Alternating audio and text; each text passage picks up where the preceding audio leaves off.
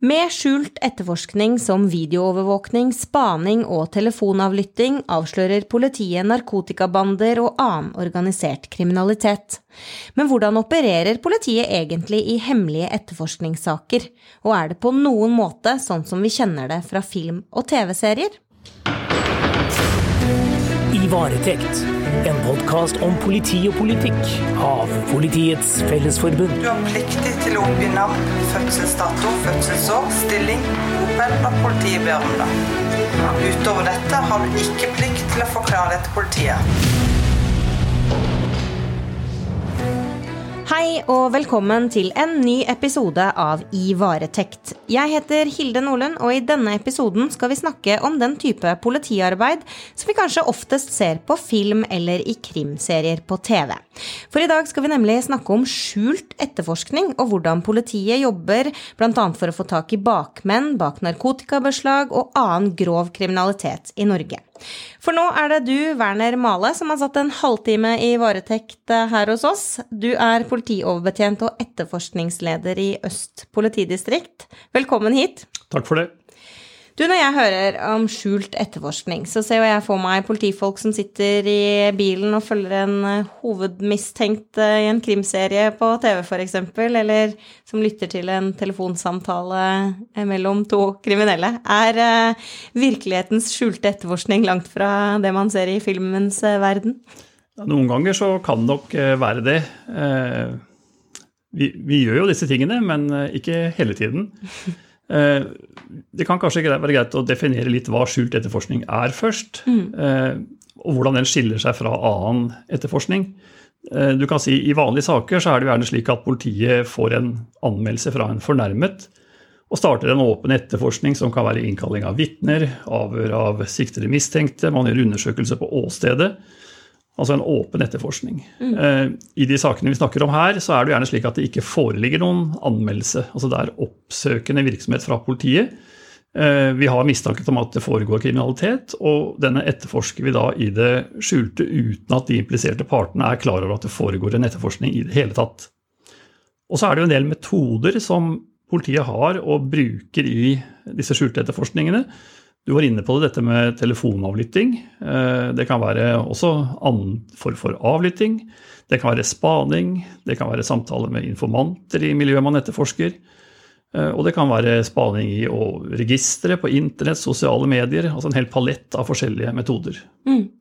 Men hvordan, hva må til da for at man kan eh, begynne med denne type etterforskningsskritt? Ja, de forskjellige metodene er jo regulert på forskjellig måte. Altså, noen av de er slik at, eh, at de innebærer ganske stor inngripen mot den enkelte som blir utsatt for metodene. Eh, de metodene er lovregulerte, og det skal ganske mye til for at politiet kan bruke de. Mm. Eh, et eksempel er f.eks. telefonavlytting.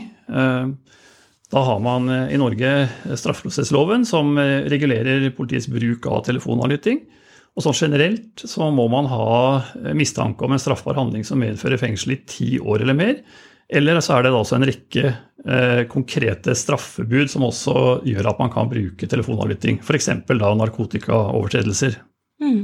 Men, men, vil man vite på forhånd da hvor, hvor, alvorlig denne type kriminaliteten vil være, før man har gått til disse etterforskningsskrittene? Ja, det er jo slik at Når man starter en sak, så har man jo et mistankegrunnlag.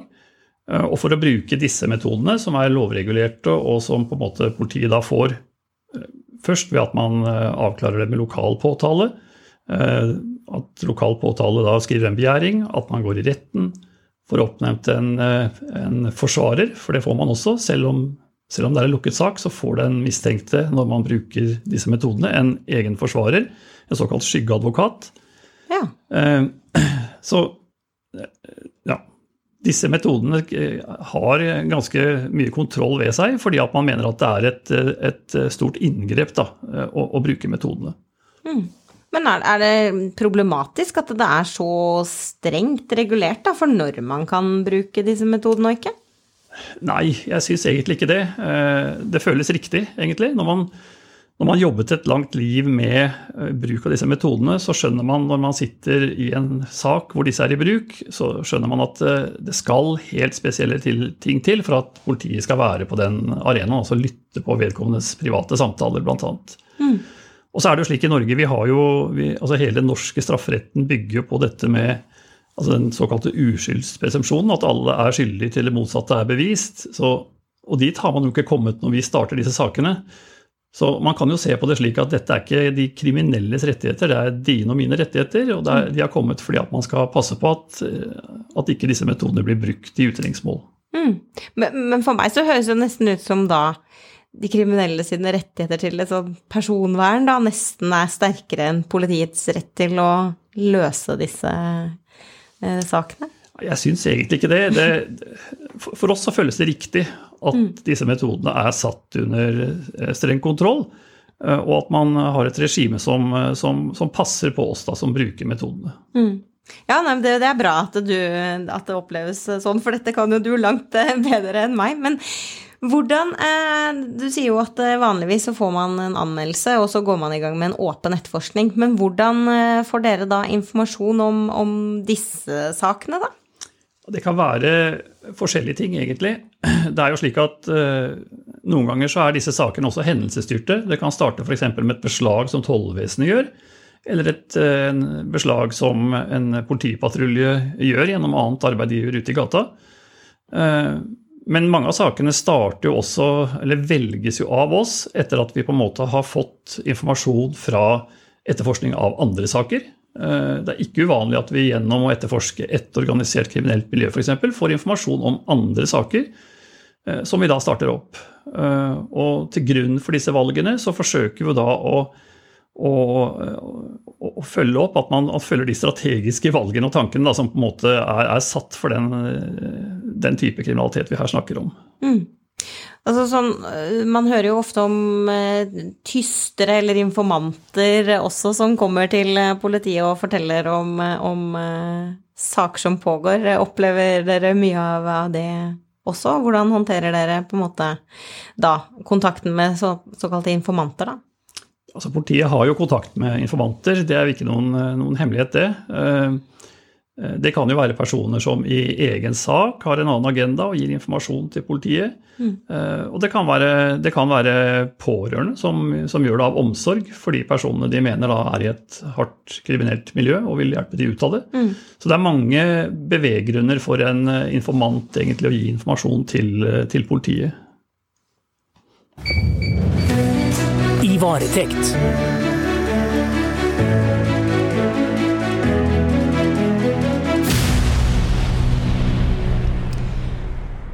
Hvordan var det du startet med skjult etterforskning, da? Altså jeg startet egentlig som ganske ung politimann med etterforskning. Og jeg begynte på det som den gangen het narkotikaavsnittet eh, på Lillestrøm. Eh, og ble der ganske raskt lært opp og introdusert for skjulte metoder. Det vi, det vi brukte av metodebruk den gangen, var i hovedsak det vi kalte telefonavlytting. Altså ikke kommunikasjonskontroll, men telefonavlytting. Mm. Eh, vi avlyttet fasttelefoner, og mobiltelefonen var ikke kommet ennå. Mm. Eh, og eh, i tillegg var det slik at den telefonavlyttingen kunne vi ikke bruke som bevis i sakene. Avlyttingen var med for å lede oss på rett spor. Og så var det da spaning og observasjon ute, og, og også bruk av, av, informanter og informasjon fra andre saker. Mm. Så jobben har endra seg litt, litt med åra. Hvor, hvor lenge har du holdt på med dette nå? Jeg begynte på den avdelingen i 1987 ja. og har holdt på med det siden. Ehm, og så har det jo blitt liksom fra å være narkotika som, som spist nedslagsfelt til å være organisert kriminalitet. Eh, og de siste årene så har det også vært slik at metodene brukes til mer og mer, eller flere og flere kriminalitetsområder. Mm. Mm. Men uh, du, du, var jo litt inne på det, da, med dere starta med fasttelefon, og mobiltelefonen uh, hadde ikke kommet gjennom. Det har jo skjedd en rivende utvikling, kanskje særlig digitalt og teknologisk. Klarer dere å henge med? Altså, hva slags type metoder er det man liksom bruker nå, da, og som også de kriminelle benytter seg av? Altså dette, dette med teknikk og det å henge med, det vil jo alltid være slik at vi vil henge litt etter. Mm. Slik vil det alltid være. Eh, men jeg mener at norsk politi har, har klart å, å, holde seg oppe, og at man har hatt eh, evne til å bruke metodene stort sett hele veien. Eh, da er det jo, som du var inne på, ganske store forskjeller på teknikker i dag og teknikker som var den gangen. Og mye av den eh, digitale kommunikasjonen vi har nå, den går jo på, på helt andre plattformer. Eh, det er både tale, det er tale og video, og det er snakk om skriftlig kommunikasjon. Eh, og mange av disse plattformene er også krypterte, noe som gjør at det er vanskeligere for politiet å få innhold i kommunikasjonen i dag enn det var før. Mm. Ofte så får vi eh, bare liksom det skallet rundt om at det er faktisk to personer som kommuniserer. Kanskje hvor de er hen, og når de kommuniserte, men ikke innhold, f.eks. Mm. Du sa jo sånn, Da kalte vi det telefonavlytting, ikke mm. kommunikasjonskontroll. Altså Kommunikasjonskontroll, hva, hva, er det? Kan du fortelle litt om det? Altså Denne loven vi har i Norge i dag, den gir jo politiet adgang til å lytte på kommunikasjon mellom to punkter. Og i de fleste tilfellene i dag så er jo de to punktene et telefonapparat. Men telefonapparatet i dag den, det er mer som en liten datamaskin. Mm, yeah. Det kommuniserer jo i tillegg til tale alle de andre plattformene jeg var inne på. Uh, og i, sånn teknisk sett da, så kan man jo i realiteten uh, overvåke all den informasjonen til fra telefonen. Men det som viser seg, er at det, er mye av den informasjonen man ikke klarer å få ut, nettopp fordi at de forskjellige leverandørene har kryptert informasjonen sin, og da blir den eh, utilgjengelig. Selv om der også gjøres det fremskritt. Men, men eh, det er nok vanskeligere å få ut kommunikasjon i dag i forhold til det man hadde når jeg begynte, og bare hadde tale. Mm. Det er litt rart, for man skulle jo nesten tro at det var enklere jo flere plattformer man kommuniserer på, jo flere ja, jo, Vi er jo mye sånn, kanskje sosiale medier og sånn også, men, men det har liksom ikke hjelpa eh, i denne type forskning? Nei. Eh, sosiale medier også er jo ting vi titter på når vi etterforsker sakene. Eh, og folk bruker jo sosiale medier også åpent. Så, så det også er jo steder vi kan hente informasjon. Mm. Men hvorfor er det så viktig at politiet har muligheten til å bruke eh, da sånne metoder som det dere gjør med, med skjult etterforskning? da? Ja, Det er et stort og komplekst spørsmål, egentlig. Men det er jo sånn at disse miljøene vi nå etterforsker, de også, har jo også forandret seg. Eh, når jeg begynte, så etterforsket vi stort sett lokale personer som omsatte narkotika, som organiserte tyverier og vinningsforbrytelser. I dag så, så, har disse sakene tilsnitt av det internasjonale over seg. Det er eh, internasjonale nettverk. Eh, og det er også sånn at de forskjellige nettverkene spesialiserer seg på forskjellige ting. Forskjellige stofftyper, eh, transport mellom forskjellige destinasjoner. Og de har også kommunikasjon og kommunikasjonsmetoder som er tilpasset da på en måte deres arbeid, slik at politiet ikke skal komme på sporet av dem. Mm. Men uh, da, da, må man rett og slett da, da, holder det ikke med en åpen nettforskning, for da klarer de å, å, å, snike seg unna på et vis, rett og slett? Ja, altså det er jo sånn at, uh, sånn at mye, av det, mye, av sporene her legges jo igjen i kommunikasjonen. Mm. Klarer vi ikke å trenge inn i den, så, så har vi rett og slett ikke nok for å, for å, komme til bunns i sakene, vil jeg si. Nei, ikke sant. Men er det sånn at uh, dere eh, klarer å stoppe alvorlige hendelser før det har skjedd, basert på informasjon som dere finner via skjult etterforskning? Ja, det har jo skjedd flere ganger, mm. og, og, skjer fortsatt. At vi kan avdekke ting som er i ferd med å skje, og så på en måte da velge å, å avbryte den handlingen. Men det er jo også komplekse og vanskelige ting i en sånn etterforskning, å vite hva man skal gjøre. Man kan ha startet etterforskningen og har et mål med den. Eh, ønsker å avdekke eh, en eller annen form for kriminalitet, og så dukker det opp et eller annet, en eller annen type handling som politiet ikke kan sitte og se på.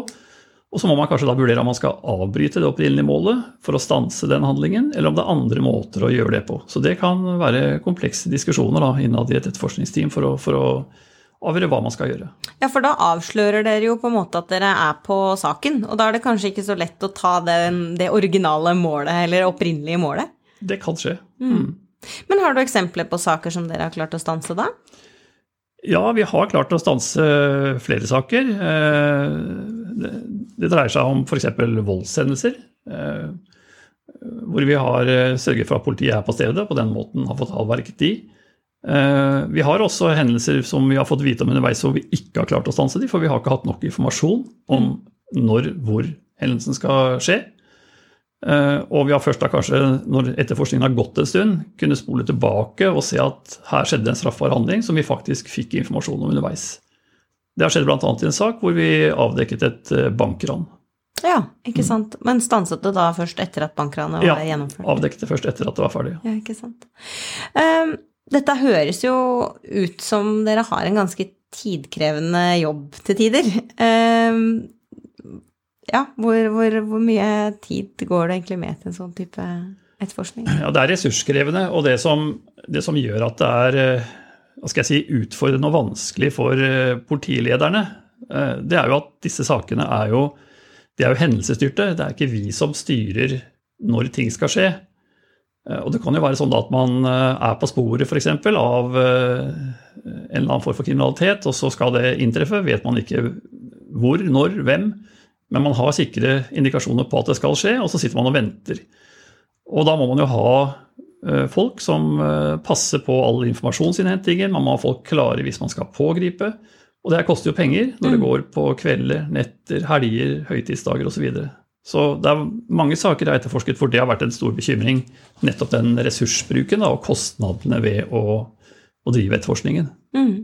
Og så vet vi jo det at det, det er jo mangel på etterforskningskapasitet ofte også. Så det, det, eh, man, det er ikke så mange som har lyst til å jobbe med etterforskning, som har lyst til å jobbe operativt. eh, Og eh, har dere det, det problemet, eller er det sånn at denne jobben her virker så spennende da, at man, dere ikke sliter med det samme, samme mangelen på etterforskningskapasitet? Altså, vi har stort sett søkere til, til jobbene hos oss, men, eh, men jeg har jo opplevd flere anledninger, senest de siste årene nå, hvor, hvor eh, etterforskere, eller unge nye, da, som er lånt ut til oss, f.eks. fra ordensavdelingen, som jeg oppfatter har et veldig talent og øye for det med etterforskning, sier at de velger det bort fordi at de ikke har råd, rett og slett. Fordi eh, lønnen er gjerne lavere når man Ja. jobber som etterforsker, enn når man jobber som uniformert med skiftarbeid og tillegg og slike type ting. Mm. Og det syns jeg er trist når man avdekker noen som har talent, for at man ikke da klarer å rekruttere de av sånne årsaker. Ja, ikke sant. Og, eh, for det er jo veldig viktig at man har den kapasiteten til å klare å avsløre denne type saker. Ja, det er det absolutt. I varetekt. Du har rett til å få en ren madrass og tepper hvis du må tilbringe natten i politiarresten. Vi skal snakke litt mer om hvorfor det er så viktig at dere har kapasitet da, til å etterforske denne type saker. Blant annet så er jo narkotikainnførsel, det har du vært innom, en av saksfeltene som dere jobber mye med. Eh, Hvorfor det? Det er jo sånn at eh, når man ser på den eh, Altså ser på narkotika, organisert narkotikainnførsel, eh, så er det flere tidligere ledere i politiet som har sagt noe om det at eh, de anser narkotika til å være limet i den organiserte kriminaliteten. Jeg vil ikke si at det er galt, men kanskje kunne man treffe mer ved å si at det er pengene som er, eh, som er limet i den organiserte kriminaliteten. Og deretter konstatere at narkotikatrafikk og omsetning av narkotika genererer mye penger for de kriminelle. Eh, og så er det også slik at eh, eh, for oss da, som, skal, eh, som skal forsøke å stanse og begrense den organiserte kriminaliteten, så er, så er Det er kanskje rart å si det, men omsett, altså etterforskning av narkotikaomsetning er på mange måter litt takknemlig, fordi at straffebudet er egentlig relativt enkelt. Har man befattet seg med narkotika, så er det straffbart. Og så er det også slik at narkotikatrafikken den involverer jo mange parter. Du har personer som driver med produksjon, noen som driver med distribusjon, noen mottakere, og flere la- lag av profesjonelle omsettere. Eh, Og så har du i tillegg også tilsvarende med personer som tilbakefører pengene i systemet, altså i den, i den eh, organiserte kriminaliteten. Alle disse aktørene har da behov for å samarbeide, de har behov for å kommunisere. Og Det gjør jo også at politiet og tollvesenet har mulighet for å avdekke enkelte av disse aktørene, og på den måten stanse nettverket sin, sin virksomhet. Mm. Ja, for man tenker jo kanskje at det er negativt da, at det er såpass mange ledd i en narkotikainnførsel, men, men det, er ikke bare, det er ikke bare negativt for politiets eh, Nei, for så vidt så er det ikke det. For det er jo denne, er jo denne interaksjonen mellom de forskjellige partene og kommunikasjonen som ofte er, er målet for vår etterforskning. Du var jo litt inne på det, dette her med, med limet i organisert kriminalitet Mm. og, og, og pengene, da. Men, eh, men kan du si litt mer om hvorfor det er så viktig å ta bakmennene i disse store narkotikasakene? Ja, det er også et ganske stort spørsmål som er utredet ganske mye. Men det er jo sånn at eh, organiserte eh, kriminelle bakmenn eh, de tjener mye penger. De, de driver med, ofte med multikriminalitet. Eh, De reinvesterer ofte de pengene i ny kriminalitet, og i de seneste årene også mye illegal virksomhet. De er med på å rekruttere nye ressurspersoner til kriminaliteten. Og de er også med på å rekruttere det som vi kaller for grå personer. Altså personer som har viktige roller i samfunnet, som er villige til å gå på akkord med loven til å hjelpe seg. Det kan være alt fra en bank, finansmann, til en advokat eller en lege eller en politimann, toller, som er ikke tro i tjenesten. Ja, som blir involvert i disse nettverkene, rett og slett. Men, men med så mange aktører og, og sånn, altså klarer dere å ta bakmennene, eller blir det liksom stort sett mellommenn og, og de såkalte småfiskene da, som, som blir eh, tatt? Jeg føler vi klarer å ta bakmenn, sånn som vi, vi jobber i dag. Eh, Vi som jobber med det, skulle selvfølgelig gjerne tatt enda flere bakmenn og stanset flere nettverk. Men jeg føler at vi lykkes med arbeidet vårt, og at vi klarer å utvikle eh, metoder og, og kunnskap for å, å holde tritt med nettverkene. Eh, Jeg syns også det er verdt å si at politiet har blitt mye flinkere til å samarbeide både nasjonalt, men også internasjonalt de seneste årene. Eh, Og det har vært nødvendig for å, for å bekjempe denne formen for kriminalitet.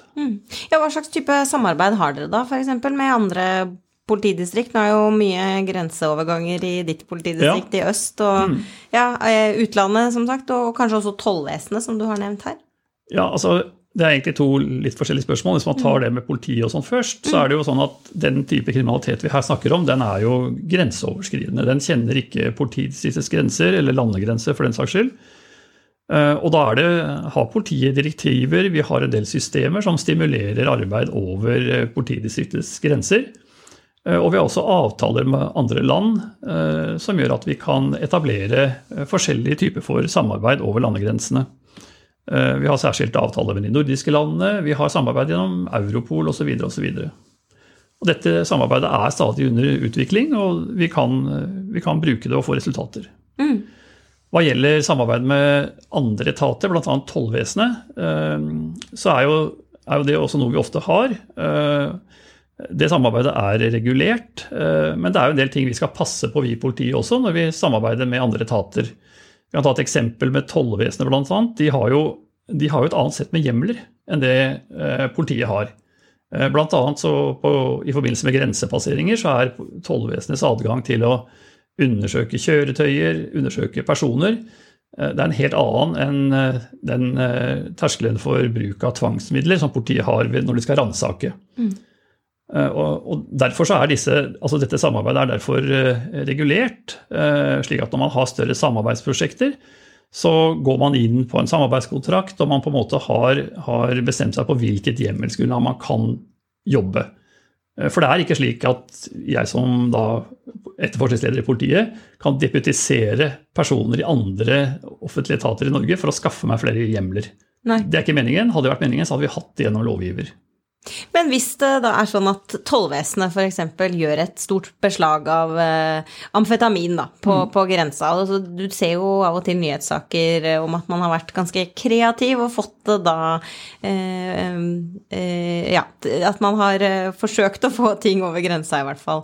Eh, hvordan kommer dere inn i bildet da? Altså, hvordan er den jobben der? Ja, vi blir jo da gjerne varslet av, av tollvesenet. Eh, Her kan det jo også ha vært slik at, eh, at vi allerede har utvekslet en del informasjon. Det kan være en konkret sak eh, hvor vi har gitt tollvesenet informasjon om mulig type kjøretøy, tidspunkt, miljø eller annet som vi ønsker kontrollert. Eller det kan være ren strategisk informasjon som vi har utvekslet med hverandre, som gjør at tollvesenet har, har fokus på akkurat det. Eller det kan være helt tilfeldig også, at tollvesenet stopper et parti på grensen. Men i alle disse tilfellene så vil jo da politiet bli varslet, eh, reise ut på stedet, og så starter jo da etterforskningen rettet mot det funnet tollvesenet har gjort, mot kureren, hvilket land de kommer fra osv. Eh, og Det første vi gjør, da, er å undersøke selvfølgelig om dette inngår i noe pågående etterforskning som allerede politiet har.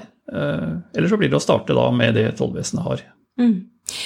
Og så har det jo vært mye snakk om eh, nå den siste tiden dette med rusreform. Mm. Hvordan vil, vil, det da forslaget som forelå til rusreform påvirke politiets arbeid på dette feltet på noe vis? Altså dette med å stanse bakmenn og, og, og innførsel? Det kan det det kommer helt an på konsekvensen tenker jeg, av den nye rusformen, altså hva som kommer ut i andre enden. Mm.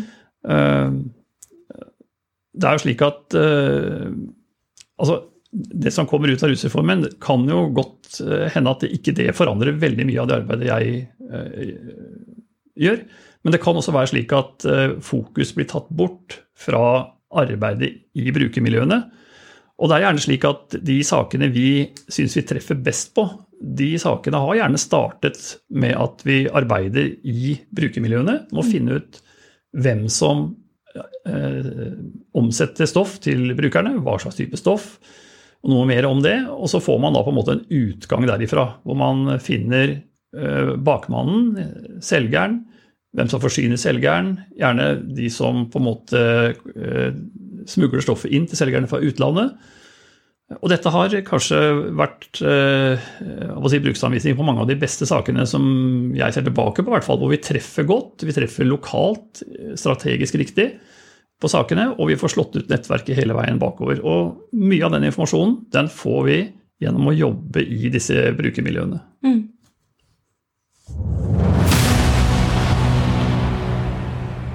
Men er det forskjell på narkotikaetterforskning og andre typer saker eh, med skjult etterforskning? Altså, alle saker har sin eh, særegenhet. Eh, eh, nå er det sånn at eh, i de, altså de, andre sakene hvor politiet bruker, etter, bruker skjulte etterforskningsmetoder, eh, vil jeg si er i stadig utvikling. det er jo en metode som politiet da de seneste årene har fått på andre, og begynt å bruke på andre saksfelt. Eh, men selve arbeidet med skjulte metoder er jo likt. Det skal jo være innenfor samme rammeverk, og det skal være etter samme mal. Så det, det er relativt likt. Mm. Men eh, hvordan har liksom narkotikaomsetninga utvikla seg de, de seinere åra, da? Ja, det var litt sånn som jeg sa kanskje innledningsvis, at det har, jo, det har, jo, utviklet seg fra å være For vår del, altså fra den siden vi har sett i politiet, så, så hadde vi jo på en måte mer lokale som vi etterforsket før. Mm. Nå er det eh, organisert. Eh, det har et internasjonalt tilsnitt. Og denne utviklingen er jo sammensatt, og den har jo kommet fordi at det er jo mye enklere i dag å kommunisere over landegrenser og kommunisere med og få kontakt også med, med personer man, man, eh, før hadde vanskelig å komme i kontakt med. Og det preger også sakene. Mm. Ja, én ting er jo på en måte den eh, kontakten, men, men nå med la oss si koronapandemien, da, hvor man reiser mindre, det er mindre eh, fart over grensene f.eks., har det endret noe med måten dere må jobbe med disse sakene på, eller har det endra måten de forsøker å få narkotika inn i Norge på? Mest det siste. Eh, det vi ser i de sakene vi har hatt, og det som også meldes fra tollvesenet, er jo at eh, det er jo mye mindre trafikk over grensene altså persontrafikk, da. Mm. Eh, både på flyplassen og også på eh, grensepasseringene. Så er det jo men samtidig så er det jo sånn at varehandelen i Norge den går jo fortsatt ganske sterkt. Og, og det tilsier at transport av varer over grensene fortsatt er der. Og det er vel der også nå tollvesenet gjør beslagene sine. Mm. I varetransport. Ja, ikke sant, for da har de kriminelle funnet uh, ut av at nå må de rett og slett bruke andre Ja. ja. Så man kan jo si at gjennom alle år så, så, har man jo erfaringer for at kriminelle miljøene er opportunistiske og tilpasser seg, og det er vel det man også ser her. Mm. Men hvor mye narkotika er det egentlig da som blir beslaglagt, uh, forsøkt uh, smugla inn i Norge hvert år? Det varierer jo litt, stofftype og år til år. Mm. Det er slik at eh, Kripos lager en veldig lettlest og fin statistikk hvert år som eh, forteller litt om eh, hvor mange beslag som er gjort av de forskjellige stofftypene, og også beslaglagt mengde. Mm. Og så er det jo slik at Når man skal lese de statistikkene, så er det sånn at beslagsstatistikken den påvirkes av ganske mange ting. Det kan være alt fra en dårlig opiumshøst, der narkotikaen dyrkes, til at man, eh, som nå, har eh, korona, og hvor transporten av narkotika ikke går som den skal. Eh, til arbeidet og, og ressursene som politiet og tollvesenet legger i arbeidet med å, med å avdekke narkotikatransport. Det som vi har sett på de seneste årene, som vi syns er interessant, og som kanskje heller eh, sier litt om, om politiet, eh, tenker jeg, det er antall saker som man har. Mm. Som man også kan lese av samme statistikk. Eh, og der vil man se at antall saker er eh, synkende. Eh, det startet i 2014 og har vært sånn hvert år til og med 2020. Ja, så i politireformperioden, rett og slett? Ja. ja hva, hva, tenker du om det, da? Jeg tenker vel Altså, det kan være mange grunner til det, men jeg tenker nok også at det er en det er jo flere som har skrevet opp politireformen at den har en kostnad man kanskje ikke har regnet med. Altså kostnaden ved at man får Eh, nye sammenslutninger, at ledere på en måte får nye oppgaver, at fagarbeidere slutter å begynne på andre områder. Altså, man har jo rørt rundt i gryta, folk har flyttet på seg. Mm. Og det vil ta tid tror jeg, før man bygger det opp igjen, eh, og før man, før man har alt på plass, og før man kanskje kan hente ut eventuell gevinst. Det vil ta tid. Og det kan være det vi ser her også. Mm. Men føler du at det å ta da de Eh, bakmennene og de, de eh, organiserte kriminelle har blitt nedprioritert på noe vis? Tallene tyder jo på det, at det blir det. Men eh, hva som er helt grunnen, det er vanskelig å si, egentlig. Mm. Men ofte så kan jo denne type etterforskning som dere holder på med, rulle opp andre saker og, og, og nye kriminalsaker. Eh, det er eh, Kan du fortelle litt om det? det kan, kan, du, gi noen eksempler på det? Ja, vi har jo Det blir jo gjerne sånn hvis man starter å etterforske et organisert kriminelt miljø, øh, klarer å avdekke kommunikasjonen deres, øh, holde øye med hvem de er, hva de gjør, og når de er på de forskjellige stedene, så vil man ofte finne parallell kriminalitet som man ikke kjente til da man startet. Eh, det kan være kriminalitet innenfor, de innenfor, det samme området som vi etterforsker, men det kan også være annen type kriminalitet. Eksempel jeg hadde i stad med bankranet, bl.a. Eh, det kan være vinningssaker. Eh, det kan være voldssaker. Ja, det kan være hva som helst, egentlig. Mm. Og det skjer, at man, at man avdekker det. Mm. Og da eh, tar jo disse sakene eh, en del tid. Altså, du har jo jobbet med noen saker med skjult etterforskning i måneder og år. Ja, heller år enn måneder, vil ja. jeg si, på de større sakene. tar det. Og de har jo gjerne, en sånn sak har jo gjerne faser hvor man først velger hvilken sak man skal satse på. Og det høres kanskje, høres kanskje rart ut at politiet bruker mye tid på det, at man bare ikke tar en sak når den kommer. men mm det er mange saker å velge i, og for oss er det viktig at man eh, først og fremst velger en sak hvor vi ser at vi kan ha mulighet for å lykkes, at den har potensial for å lykkes. Eh, men det er også viktig at vi velger saker slik at vi får mest mulig igjen for de ressursene vi legger igjen.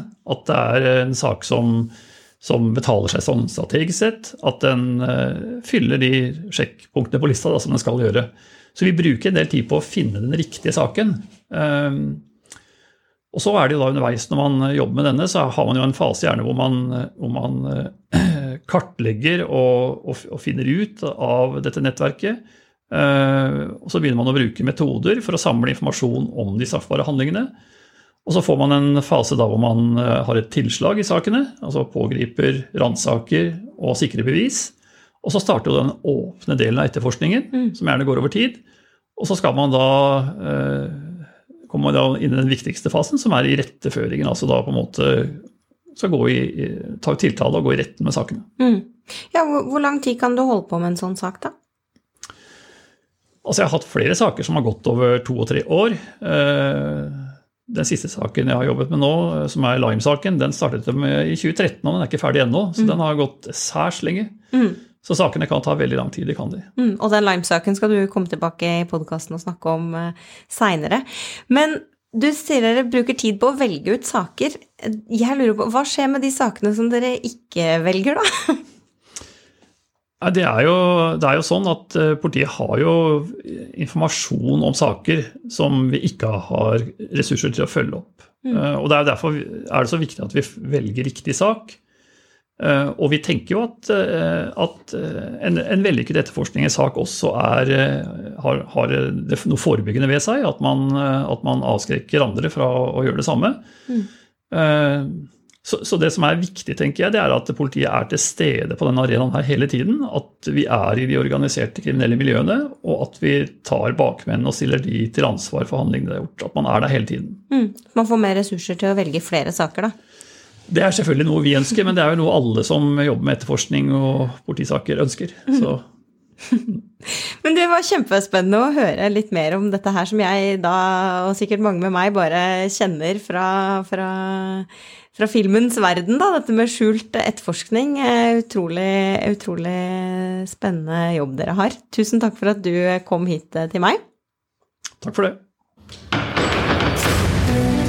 Varetekt, en podkast om politi og politikk av Politiets Fellesforbund.